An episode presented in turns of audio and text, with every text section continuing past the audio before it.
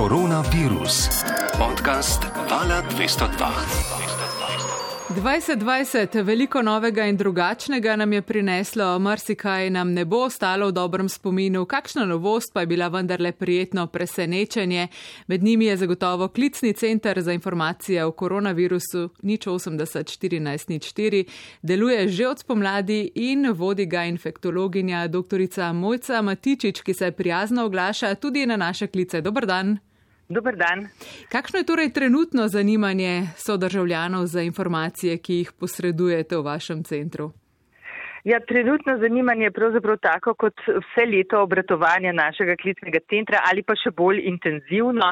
Jesen smo začeli izredno, uh, bi rekla, optimistično s 1200 klici dnevno, potem se je mačkan umirilo tam konc novembra in začetku decembra okrog 800-900 klicev dnevno, ampak ta teden tem, da so, smo skrajšali za dve uri naše delovanje, imamo spet čez tisoč klicev, torej ljudje res smo postali prepoznavni in ljudje se radi obrnejo na nas po informacijo. Ja, um, čisto razumljivo. Ne? Um, najbrž pa se vprašanja vsebinsko spreminjajo, prilagajajo ukrepom, ki nam krojijo vsak dan, pa tudi novostim glede zdravljanja, glede cepljenja. Uh, kaj ljudi trenutno najbolj zanima? Ja, trenutno, če govorimo o medicinskem področju, so v spredju pa res tri teme. Uh, zelo, zelo aktualne. Prva je seveda cepljenje, druga je množični hitri eh, testi, antigenski testi in seveda tretja je prazniki, to je pa sploh rdeča nit teh vprašanj. Če lahko samo na kratko povem o, o cepljenju, nam recepljenje je res novost, tako za stroko, eh, kot seveda sploh za splošno populacijo, ker gre za čist novo vrsto cepiva. In eh, ker v našem klisnem centru res želimo dati pravoverne in ažurirane informacije, smo žrtvovali prejšnji vikend, market za to, da smo sami sebi naredili učno delavnico, interdisciplinarno povabili na njo uh, znanega imunologa, profesor dr. Alojza Ihana, pa epidemiologinjo specialistko za cepivo dr. Marto Vite Grgič in smo resnično oglodali ta cepiva uh, z najrazličnejšimi vprašanji in seveda novostmi. Zakaj? Zaradi tega, ker se nam zdi, da Kakršnakoli odklonilnost do cepljenja je največkrat povezana z pomankanjem pravilnih informacij. Če nečesa ne veš, ti si skeptičen, težko se temu predaš. In to se je tako izkazalo potem, ko smo začeli na široko razlagati našim klicateljem o značilnostih cepiva. Absolutno so zelo, zelo pozitivno uh, usmerjeni v tej smeri, njih treba prepričvati. Živa, redostojna in razumljiva razlaga je čisto dovolj. Uh, tisto, kar je seveda najbolj izbegalo, je seveda prva prva stvar je varnost cepiva in edina kontraindikacija, se pravi, da se ne smeš cepiti, če si alergičen na, na tisti mehurček maščobni, ki ovija to uh, substanco, to je pek, polietilen glikol, ampak to je ena sestavina, ki je stabilizator v najrazličnejših substancah, celo v zobni pasti, tako da največ ljudi niti ne vejo, kaj to je oziroma da so na to alergični. Nasplošno pa uh, Vemo, da ljudje so zelo alergični na hrano, na zdravila, na cepiva in en podatek iz nekaj let nazaj z NIAZ-ja je, da so v tistem letu 600 tisoč odmerkov različnih cepil dal. Uh, stranskih učinkov je bilo pa nič celih, nič šest odstotka, pa še od tega zelo veliko tistih lokalnih rdečina, pa glavobol pa to. Na antibiotik, penicilinski, najbolj uporabljan je eh, od en do deset odstotkov alergij recimo v Sloveniji. Na hrano je pa sploh veliko ljudi alergičnih. Tako da za tisto varnost bo še dodatno poskrbljeno, ker bo vsak človek prej vprašan o alergijah, pa še potem po cepljenju bo 15 minut počakal tam, če bi karkoli bilo narobe, ampak večinoma iz tujine povemo, je to zelo varno. Potem so vprašanja glede cepljenja, kaj pa če eh, mora hkrati drugo cepljenje obnovitveno med, recimo klopni meningocefalitis, hepatitis B, tudi to smo razdelali. Sedem dni po takem cepljenju se že lahko cepite proti COVID-u. Če ste preboleli COVID, čez štiri tedne se že lahko cepljete in je tudi uh, zaželjeno ne? in tako dalje. Torej ogromno vprašanj v zvezi s cepljenjem in mislim, da so vsi zelo zadovoljni, ko držijo slušalko, ker so dobili razglago in se bo zdaj lažje odločili za cepljenje. No, druga stvar je pa to množično uh, testiranje hitrimi antigenskimi testi, ki se je v torek začelo tudi po Sloveniji. Zelo smo bili vsi prijetno presenečeni, že od jutra so bila vprašanja, že podelek seveda. Uh, no in um, številke so bile pa seveda velike, okrog 10 odstotkov je bilo prvi dan pozitivnih in to nam nakazuje na to, da so verjetno ljudje tudi z rahlimi bolezenskimi znaki se šli testirati. Ne? Kar pa tukaj na tem mestu bi rada povdarila, tako testiranje je namenjeno tistim osebam brez bolezenskih znakov, kajti Slovenija ima dobro razvit zdravstveni sistem in če imaš kakršne koli znake, pokličeš zdravnika, ta te celo spremlja, te napoti na testiranje, te spremlja med boleznjo, ker lahko so kakšni zapleti, ki se jih niti ne zavedaš, ne, o tem smo že veliko govorili. In zaradi tega je pomembno, da če si bolan, pokličeš zdravnika, Če pa si zdrav in želiš preveriti, greš pa seveda na to testiranje. Lep primer je recimo iz Avstrije, iz Dunaja, kjer pa tudi slučajno niso imeli takega obiska kot pri nas, ampak vendarle Dunaj ima približno toliko prebivalcev kot Slovenija, ne dva milijona in tam imajo tri taka testirna mesta za množično testiranje z antigenskimi testi.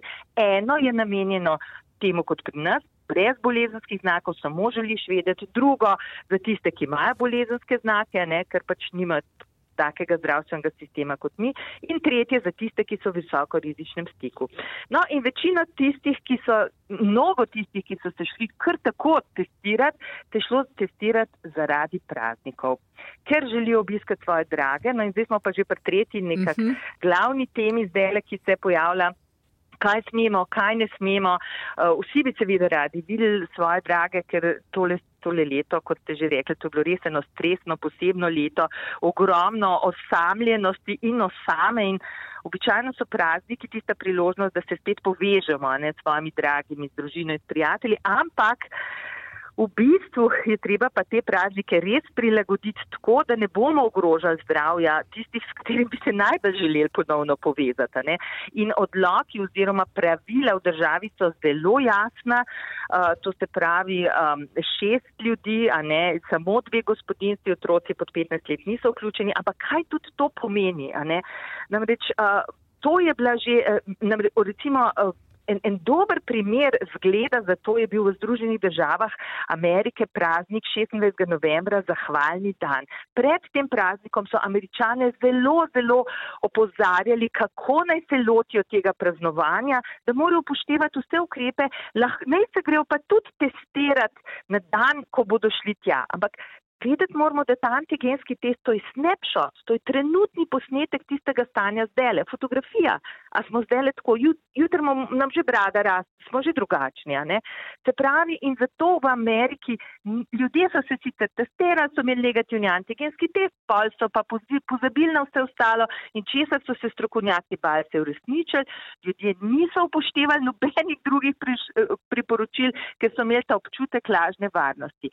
In ta slavni edini uh, svetovni ali pa ameriški guru no, infektologije že več kot 30 let, Anthony Fauci, tudi sama ga izmerno, izredno cenim že vse čas uh, in še prej je rekel dejansko, da bodo ta božični novoletni prazniki še večji izziv, uh, zaradi tega, ker bojo pravzaprav daljši prazniki, kajti kaj se pa v Ameriki zgoril, ki ljudje niso tega upoštevali, so imeli znotraj 14 dni potem za 20 odstotkov več okuženih, za 20 odstotkov več hospitaliziranih in kar je najbolj grozen, za 40 odstotkov večjo smrtnost, ker v glavnem so šli starejši svoje starše obiskati in tako naprej. Tako da resnično prazniki so lahko velika past, ampak če jih znamo, če vemo kako, potem bo pa to lažje.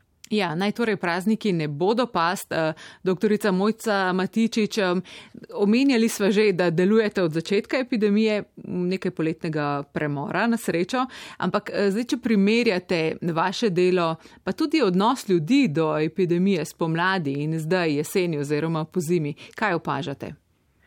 Um, ja, hvala za tole vprašanje. To je pa res, uh, sami smo pri sebi delali malo revizije in pregleda za preteklo leto. Že število klicev je drugačno. Spomladi tri mesece epidemije 50 tisoč klicev, jeseni že v prvih dveh mesecih 46 tisoč 300 klicev do danes. Ne? Se pravi, nekako smo ponarodeli, ljudje so se nas navadili še dobro, da vedo, kje lahko poiščejo pravovirno informacijo in kot sem rekla, se trudimo za nje. Vsebina klicev se je res spreminjala in če zdaj malo glem, uh, povzamem in primerjam spomladanski prvi val in jesenski drugi val z našimi uh, ne, odkriti in, in uh, zaznavami, potem lahko rečemo, da pravzaprav v prvem valu so bila najprej res samo zna, zdravstveno obarvana vprašanja o virusu, načinu prenosa, kako se začitimo, bolezni. Preventiva je bila zelo, zelo pomembna stvar. In potem pa seveda, ko so se začeli zategovati ukrepi, pa veliko, veliko zaostrovanjem ukrepov, 1200 klicev, to je bil naš rekord spomlad, smo dobili takrat, ki je bilo najbolj zaostreno in ko se je vse ostalo, potem pa spet sproščanje, ne te oscilacije. Zdaj jeseni smo že takoj imeli 1200 klicev nazaj, ampak takoj nam je postalo jasno, da ljudje že kar veliko vejo, da so se dobro poinformirali o virusu, bolezni, epidemiji, torej temeljnih vprašanj sploh ne slišimo več. Zdaj pa želijo od nas vedeti vse najnovejše novosti, želijo biti na tekočem, kaj se dogaja, uh, tako seveda, kar je zelo, zelo dobrovo, uh, uh, dobro vzeto z naše strani. Še vedno pa je seveda rdeča nit vsebine, so ti oscilirajoči ukrepi za zaizitev epidemije v državi, to pa stalno. No in tisto, kar pa ne lepti nad vsemi temi vprašanji, v spomladanskem valu smo med temi vprašanji zaznali strah en strah pred neznanim in reseno željo, da čim bolj prepoznajo sovražnika in seveda ukrepe, da ga porazimo. Zdaj jeseni je pa predvsem zaznati tudi strah, ampak pred nečem drugim. Strah pred to neskončnostjo trajanja te epidemije in pa seveda željo, močno željo, da bi se čim prej to zaključilo, uh, željo po takih ukrepih, ki bi bili pa seveda čim manj boleči za posameznika, ampak da bi delovali, da bi premagali to. Vse skozi spomladi in jeseni je pa nam v klicnem centru in našim svetovalcem povsem jasno na temelju vprašanj in pogovorov s klicatelji, da je slovencem mar.